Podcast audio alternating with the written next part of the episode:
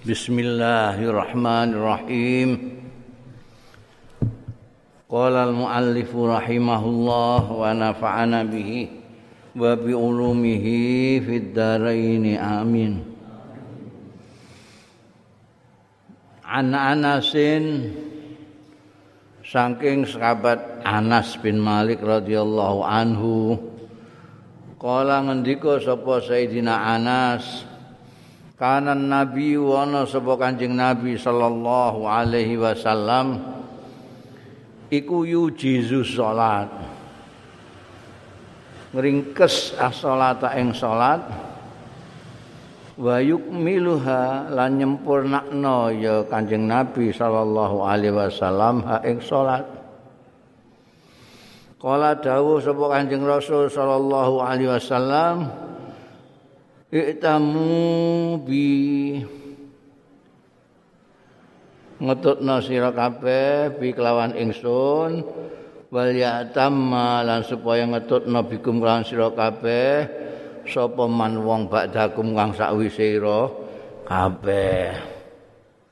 Seperti sering saya katakan sahabat Anas bin Malik ini tidak kurang dari 10, 10 tahun ngadam melayani Kanjeng Rasul sallallahu alaihi wasallam.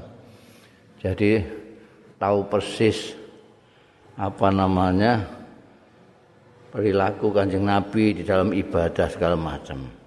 itu banyak hadis-hadis yang bersumber dari sahabat Anas bin Malik tentang gimana kanjeng Nabi sholat, gimana kanjeng Nabi dengan sahabat-sahabatnya, dengan garwo-garwo ini itu ya. Seperti ini, beliau menceritakan bahwa kanjeng Nabi Muhammad Shallallahu Alaihi Wasallam itu kalau sholat tidak berpanjang-panjang, ringkas. Tentu saja kalau sholat berjamaah, enggak ngimami. Bab kalau salatnya Kanjeng Nabi sendirian seperti yang diriwayatkan oleh garwonya sendiri Sayyidatina Aisyah di rumah itu sampai bengkak-bengkak kakinya. Berarti lama-lama. Ringkes itu bukan ya ijaz itu ringkas tapi tidak mengurangi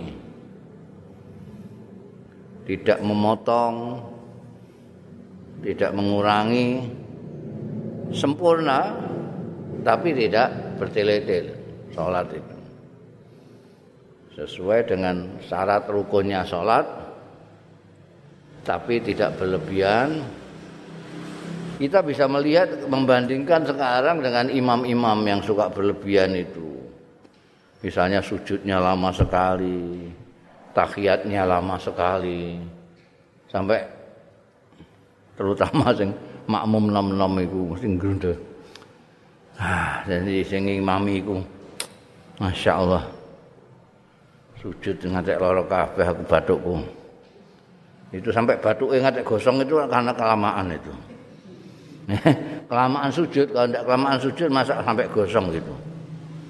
Ya. Belum ada ceritanya sahabat-sahabat gosong apalagi kanjeng Nabi sininya bersinar bukan gosong. Sujud ya sujud. Apa kalau ngimami sekali lagi kalau ngimami seperti di ngendikano kanjeng Nabi sendiri. Kamu kalau ngimami jangan bertele-tele jangan lama-lama ringkes.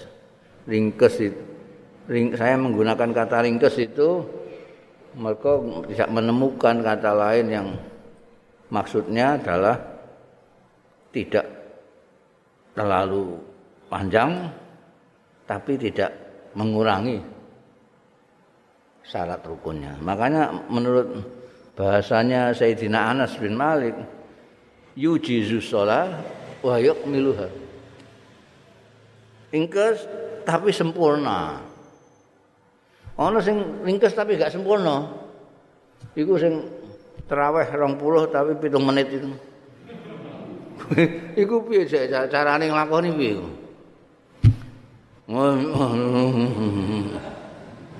Bayang itu itu dudu ijaz itu bukan ijaz.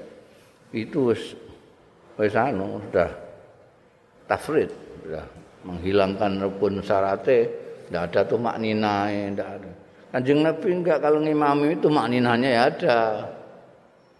Rukuk ya seket tuh maknina tidak tuh maknina sujud tuh maknina Makanya terus diatur sampai ahli ahli fikih supaya iso ijaz tapi uh, sempurna. Itu kalau jadi imam kowe paling banyak misalnya subhanarabbiyal a'la atau subhanarabbiyal azim paling banyak tiga kali. Nek kowe dhewean tujuh kali ndak apa-apa.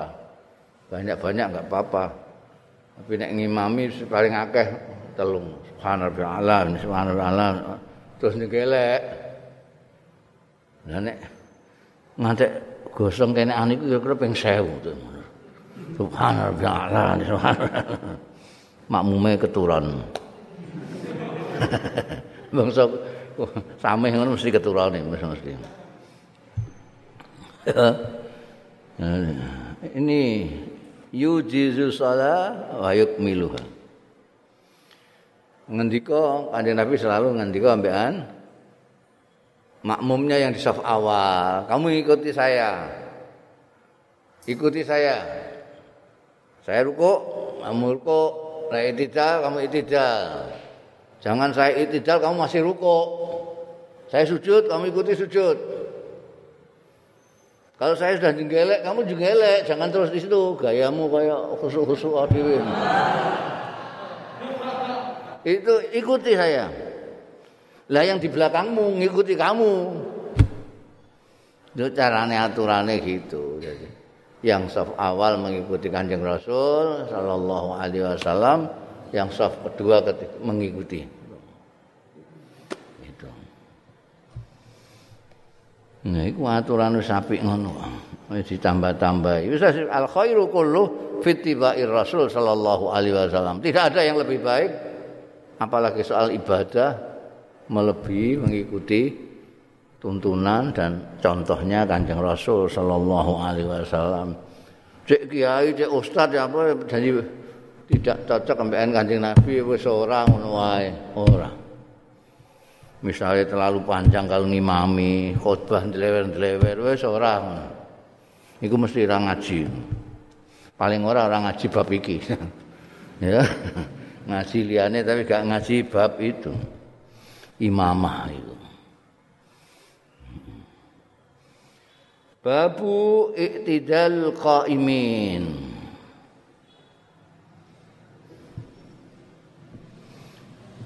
Bab bab jejeke wong-wong sing padha ngadeg salat iku. Ani Nu'man ibn Bashirin saking sahabat Nu'man bin Bashir radhiyallahu anhu anna nabiyya setuhune kanjeng nabi sallallahu alaihi wasallam qala dawuh sapa kanjeng nabi la tusawwunna sufufakum yakti nglurusna sira kabeh tenan sufufakum ing barisan-barisan ira kabeh jadi orang sholat itu seperti saya katakan kemarin kayak orang mimpin jadi Kanjeng Nabi imam itu seperti komandan ini pasukannya. Jadi harus barisnya kudu apik sing rata. Sing lurus. Aula yukhalifanna Allahu baina wujuh wujuhikum. Utawa yento malik temenan sapa Allah baina wujuhikum antarane rai-rai ira kabeh. Aku nek diwahi terus raimu madhep mengguri kan payah kowe, eh. Engko raimu dia nek dikono lho. Gak wedi piye kowe. Itu apa kalau tidak lurus digitukan sungguh sama Allah ya mbah tapi itu menunjukkan pentingnya ya. taswiyatus sufu setiap kali kanjeng Nabi mau sholat selalu seperti komandan membariskan pasukan. Sawu, sawu. Mustaqim. Malah kadang-kadang Nabi ke sana lihat sing nonjol di kenekno diluruskan jadi kayak beliau kalau sedang membariskan pasukan di dalam peperangan itu. Ono sing ora barise ora bener eh betul betul. Gitu. Anak Anas bin Malik radhiyallahu anhu, sayang sahabat Anas bin Malik. Kala ngendika sapa sahabat Anas bin Malik, uki mati salatu. Wis dikamati apa sembayang, fa'abbala mongko madhep alaina ing atase kita sapa Rasulullah sallallahu alaihi wasallam biwajihi kelawan wedanane Kanjeng Nabi. Wedane iku rai. Faqala mongko dawuh Kanjeng Nabi, Hakimu sufufakum. Njejekno sira kabeh sufufakum ing barisan-barisan ira kabeh sing lurus, sing lurus. Batarasu lan rapat-rapat sira kabeh. Rapat. Fa inni arakum min wara'i dhahri maka setune ingsun iku ngerti ningali sapa ingsun ing sira kabeh min wara'i dhahri saking gurine geger ingsun. Aku ora melengak Allah tapi aku ngerti sing lurus, sing rapet. Jadi mulane wong delok salate Kanjeng Nabi karo sahabat-sahabat sing jamaah iku iso ngeri dhewe. Jadi Kanjeng Nabi ruku. Iki ruku. Oh ami Allah liman hamda Allahu akbar. Allahu akbar. Allahu akbar. Allahu kalbun yanil marsus. Saya kan enggak. Ngene. Allahu akbar. Ateng kelengkar padahal ning kene digarisi dhuwur dikai rafia Itu sembayangnya saya gak bisa lurus. Hmm. Kenapa? Karena hatinya tidak kompak. Jadi orang itu perilaku orang, orang perorangan maupun komunitas itu kalau tidak jadi satu sulit dipersatukan sampai mbok ngomong rapat kan rapat ngono ngamuk ini Hati ini enggak cocok. Lalu dulu kanjeng Nabi pernah istaqim, istaqim. Hakim sufufakum langsung seset seset seset. Tarasu, tarasu.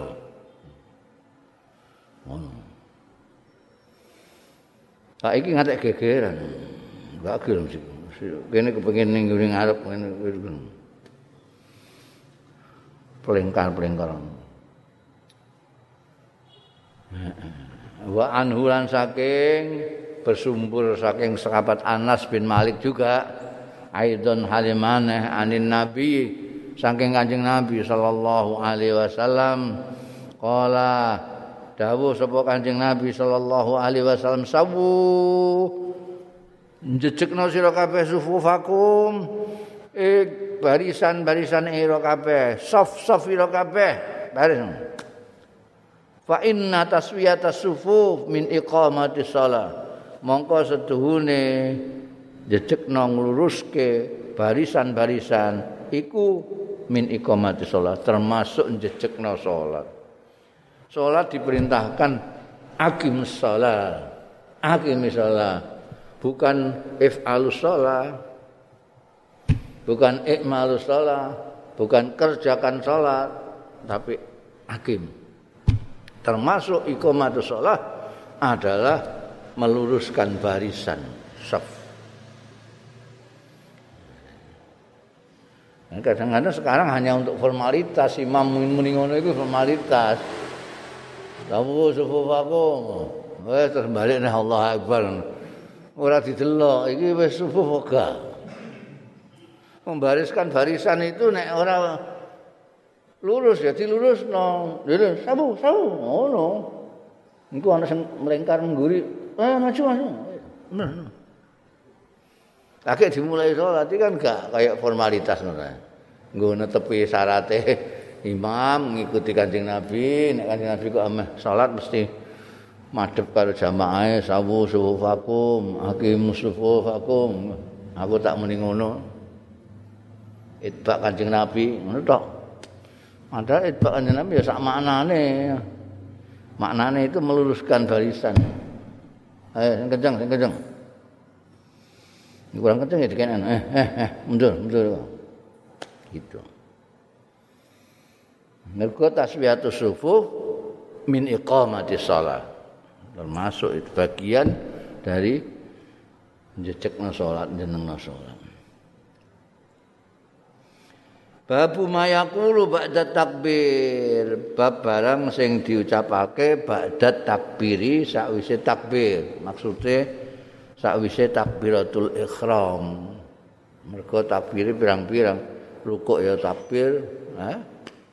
sujud ya takbir. Ini masing dimaksud takbiratul ikhram, memulai salat.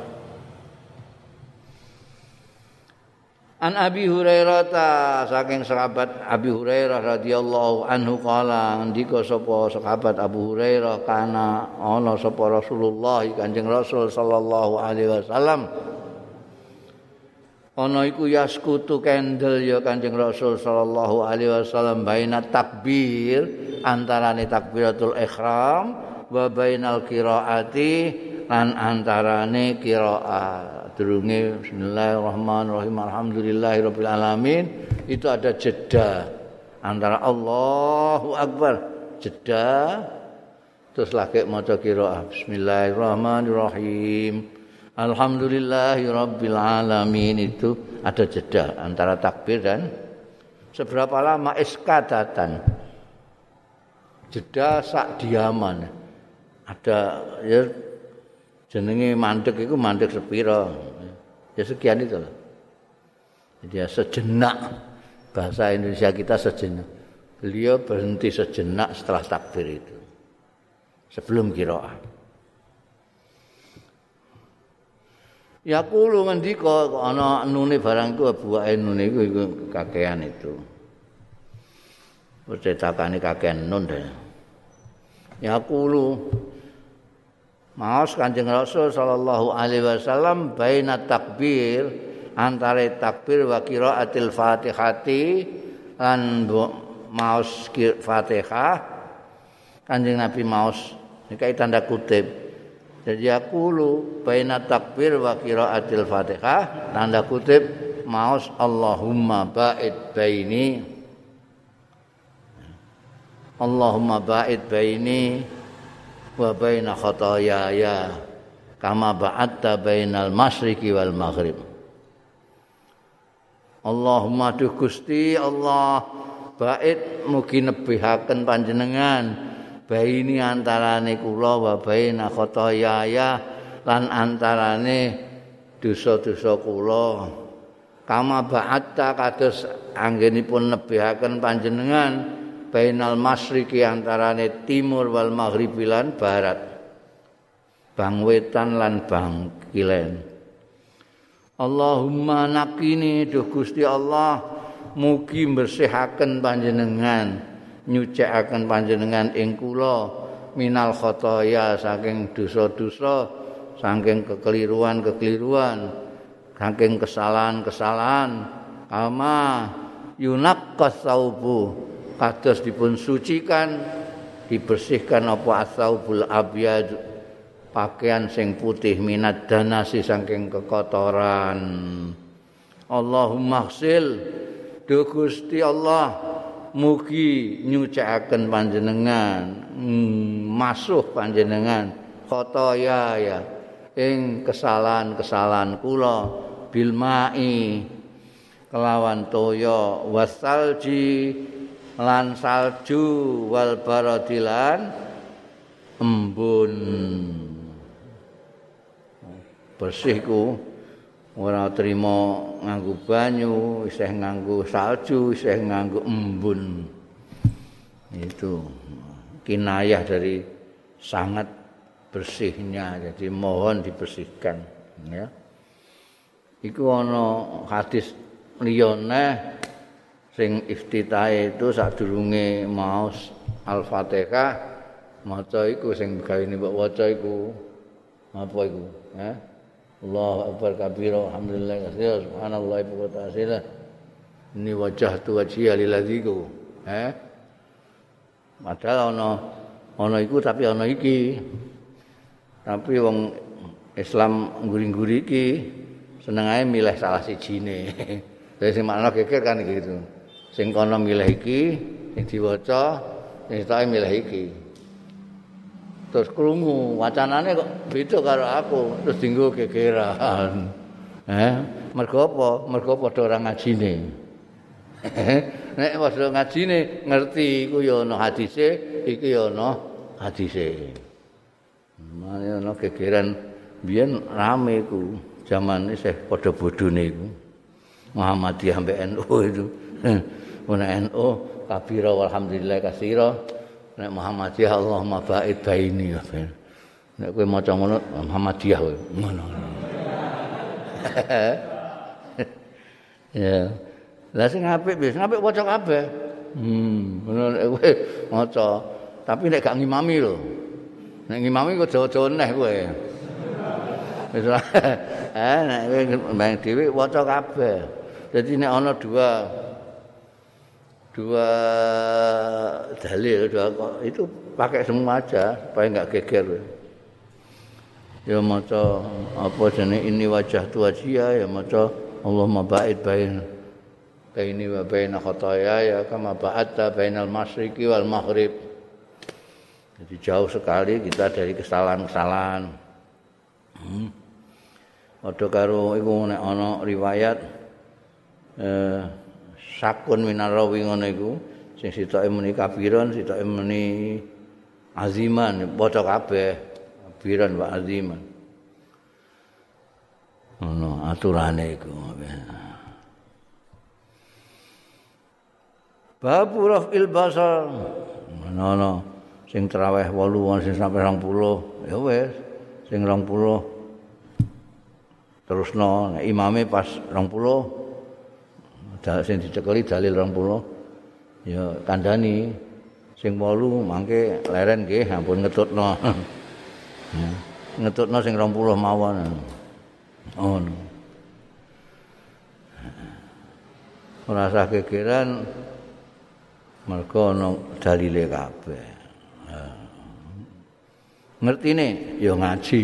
Mulane kudu ngaji kabeh. Ngaji salah siji ya tukaran orang ngaji kabeh tambah tambah gegeran ra karu-karuan. Iku akeh saiki iku wong tukaran mergo padha ora ngajine. Padha ngajine ngerti. Ora ana gegeran iku. Bab raf'il basari ila sama.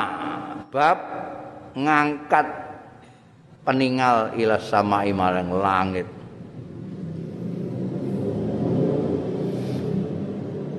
Laki-laki an Anas bin Malik. Saing sahabat Anas bin Malik radhiyallahu anhu kala ngendika sapa Anas bin Malik kala Nabi dawuh sapa Kanjeng Nabi sallallahu alaihi wasallam ma balu aqwamin yarfa'una absarahum. Iku apa balu aqwamin pikirane wong-wong. Yarfa'una sing padha ngangkat ya aqwam absarahum ing peninggal-peningale akwam ila samai marang langit fi salatihim ing dalam sembahyang. Donga ndang iku apa? Laitahunna andalik eh ka. Layan tahunna andalik supaya lian tahunna andalik supaya mareni sapa akwam tenan andalika saya mengkono-mengkono rafu absarihim ila sama. Aula tuhtafanna absaruhum utawa disab disebret apa? Peninggal-peningali akuan pengen pilih ndi sebrot mripate apa nglereni? Uga ndongak-ndang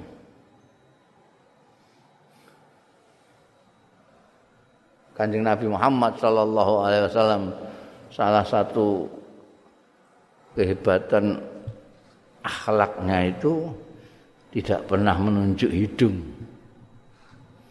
Ora kaya ustaz-ustaz zaman saiki senengane nunjuk hidung.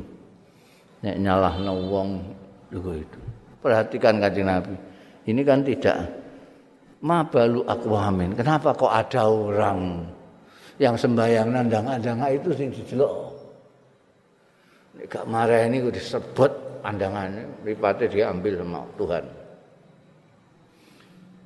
Itu, itu peringatan kelas. Tapi yang tahu hanya orang yang dangak-dangak itu. Eh?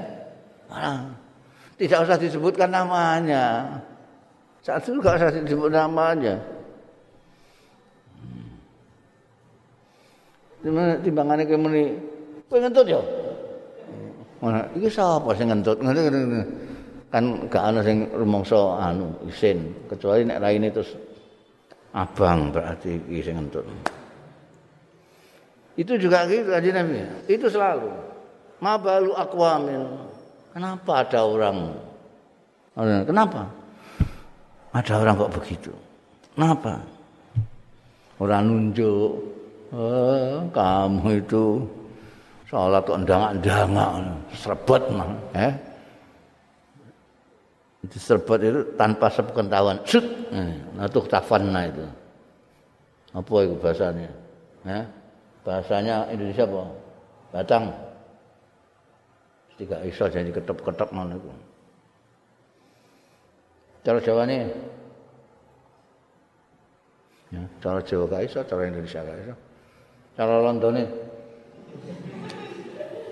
Nggak cara batang. Apa ngono iku? Hmm.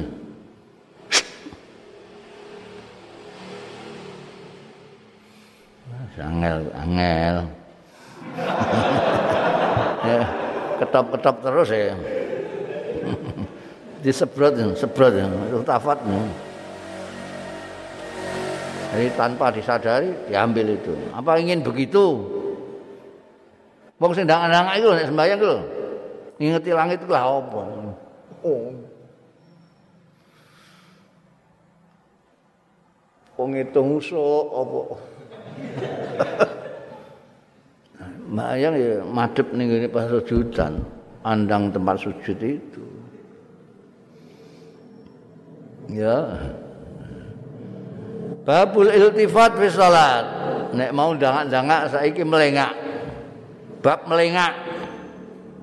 noleh bahasa Indonesia apa menoleh gampang nek ngono ae noleh karek menoleh tambahi ngono ae. Ana Aisyah ta saing Sayyidatina Aisyah radhiyallahu anha qalat mendika sapa Sayyidatina Aisyah? Sa'altu nyuwun pirsa sapa ingsun Rasulullah ing Kanjeng Rasul sallallahu alaihi wasallam anil iltifat fi shalah. Saking noleh fi sholati nang sembayang. Sembayang nek noleh pundi kanjeng Nabi Faqala mongko dawuh sapa Kanjeng Nabi Muhammad sallallahu alaihi wasallam wa ikhtilasun yahtalisu syaitan. Ya. Iku padha maknane mau nyebrot. Iku sebrotan. Apa oh, mau jeng nemokno kowe bahasane. Hmm. Mengambil dengan cepat. Ikhtilas. Mengambil dengan cepat. Sut hmm, ikhtilas. Yahtalisu sing nyebrot. Nyebrot niku bahasa kitab kuning nyebrot itu makna gandul nyebrot hmm. ing ikhtilas apa setan setan min salatil abdi saking sembayange kawula. Jadi kita salat itu kalau tidak khusyuk betul itu sering di sebut ambekan setan iku terus nolah-nolah. Kepengen ana kurang suara krisik noleh. ngundang wedangku dicikuk wong pelak plerok ngono itu itu setan yang nyebrot sembayange kawula di ada godaan setan yang berupa sesuatu yang mengejut cet. Kita tidak sadar noleh. Noleh kan walhasil ndangak noleh bareng. Aja ngantek sembahyang. Sembahyang ono sing malah sembayangi ora mok noleh. Nolah noleh. Bu Bu mergo biyen pengen dadi polisi ngono kok mau merhatekno kono merhatekno kene. Ikhtilas minas syaiton Babu jahril imam bitakmin bab mbantel kene imam bitakmini kelawan maca amin. Wa fadlihi lan keutamane takmin. Takmin itu maca amin. Ya. An Abi Hurairah ta sayang sahabat Abi Hurairah radhiyallahu anhu anna nabiyya setuhune Kanjeng Nabi sallallahu alaihi wasallam qol dawuh sapa Kanjeng Nabi sallallahu alaihi wasallam idza ammanal imam fa aminu tetkalane maca amin sapa al imamu imam fa aminu mongko ngaminana sira kabeh. Amino sira kabeh fa innahu mongko sedune kelakuan. Man wafaqa sapane sing ngepasi. Apa tak minuhu anggone maca amin man takminal malaikati ing anggone ngamini para malaikat. Hufira lahu mongko di ngapura lahu kanggo man. Apa ma dosane? Takot dama kang dhisik ya ma. La ma ing barang takot dama kang dhisik ya ma. Bayane min dzambi saking dosane man wa kana rasulullah wa qala ibnu syihab lan ngendika sapa ibnu syihab kana rasulullah ana sapa kanjeng rasul sallallahu alaihi wasallam iku yaqulu maos kanjeng nabi amin. Kanjeng nabi imam kanjeng nabi selalu jadi imam. Dalam sholat sholat fardu itu kanjeng Nabi selalu jadi imam. Kalau dikatakan Rasulullah baca amin, artinya imamnya baca amin, amin. Lalu makmumnya ikut amin. Mereka dawai kanjeng Nabi, ila amman al imam fa amin. Kalau imamnya dan imamnya orang muni amin ya ngerti ini sok makmum piye. Imamnya amin. Ya ini melok amin. malaikat melok ngamini. Jadi kalau kamu membaca Fatihah itu bukan hanya orang yang mendengar jamaahmu yang mengatakan amin juga, eh, malaikat juga ngamini. Artinya memohon kepada Allah supaya dikabulkan oleh Allah permintaan kita supaya ditunjukkan ke Siratal Mustaqim. Eh, itu diamini oleh malaikat juga. Lah nek aminmu nalika kowe melok amine imam bertepatan dengan aminnya malaikat itu di dosamu di ngapura. Mata kodama min dambi aku ya rai sama pas ngepas nong gue lah krungu malaikat. Eh? Mulai gue amin saja. Siapa tahu aminmu bertepatan dengan aminnya malaikat. Ora kok tak mbok golek malaikat samin borong. Ora iso, ora. Jadi ini bukan diusahakan tapi beja-bejanan. Dan jika muni amin tepat ketika imamnya baca itu sudah petunjuk bahwa itu mem bareng karo malaikat. Kaceo sithik lah antarané imam muni amin kowe nek iso bareng itu atau rada ngurine sithik amin. Upaya bareng karo malaikat. Eh? Itu bejan bejin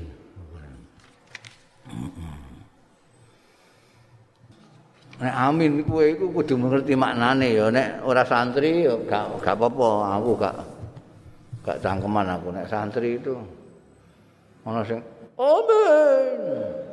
Amin mbok mergo gak seneng karo imame mbah piye pokoke ngono? Amine kaya protes ngono.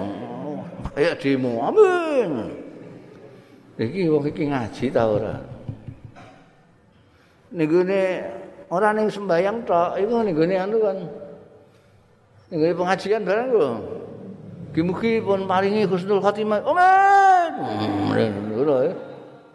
Iki ngerti maknane amin apa ora ya? Amin iku matur ning Gusti Allah. Ya Allah Gusti, panjenengan kabulaken Gusti. Ono. Ya Gusti Allah mbok sentak-sentakane. Ora dikuoplekno malaikat terus untung kowe. Eh? Nah, Iku berarti orang ngerti maknane sing terjerit-jerit amin getak-getak. Amin sing sing apa jenenge ya sing kaya nyuwun ta. Amin. Pokoknya kamu ngamin ngamini imam merasa banter-banter apa-apa. Pokoknya maksudmu mengamini wacanane imam itu. mergo malaikat iku melok. Jadi mbok piye malaikat itu ambekan mungkin riwayate biyen nalika apa jenenge? Malaikat kan dulur tua, lebih tua.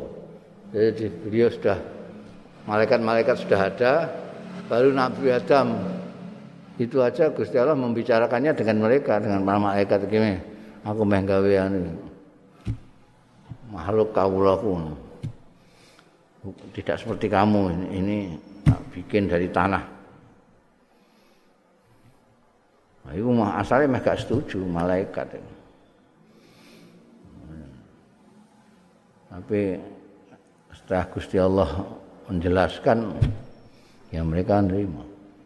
Nah itu jadi kayak patrape mungkin kayak anu kayak kakak nih anak adik malaikat. Gue malaikat ono wong ngaji ini ki ndungak no ndungak no anak putune Adam ah. Jadi kok ngaji kan mengikuti anjurannya anjing rasul. Ndungak no gue nek gue mau selawat nih gue kanjeng rasul sallallahu alaihi wasallam malaikat melak melak ndungak no Dungane kowe. Ora mok Gusti Allah tok sing maringi rahmat ning ngene kowe, tapi malaikat ya melok-melok. Jadi dawuh Kanjeng Nabi man salla alayya marrah sallallahu alaihi asra. Kowe nek selawat ning Kanjeng Nabi sepisan diparingi rahmat Gusti Allah 10. Nah iku malaikat melok. Melok njaluk nang ngapura ping 10. Mulane akeh sing do nganjurno maca selawat itu. Dan maca selawat ora kudu ning gone apa istilah iku? Selawatan umum itu. Nah, kan istilahnya ana ahbabun rasul apa-apa segala macam itu selawat bareng-bareng. Selawat dhewean ya gak apa-apa. Hmm. Angger-angger selawat ya amal HP. Ya. Mergo malaikat melok-melok. Amin, malaikat melok. Dunga. Enggak no.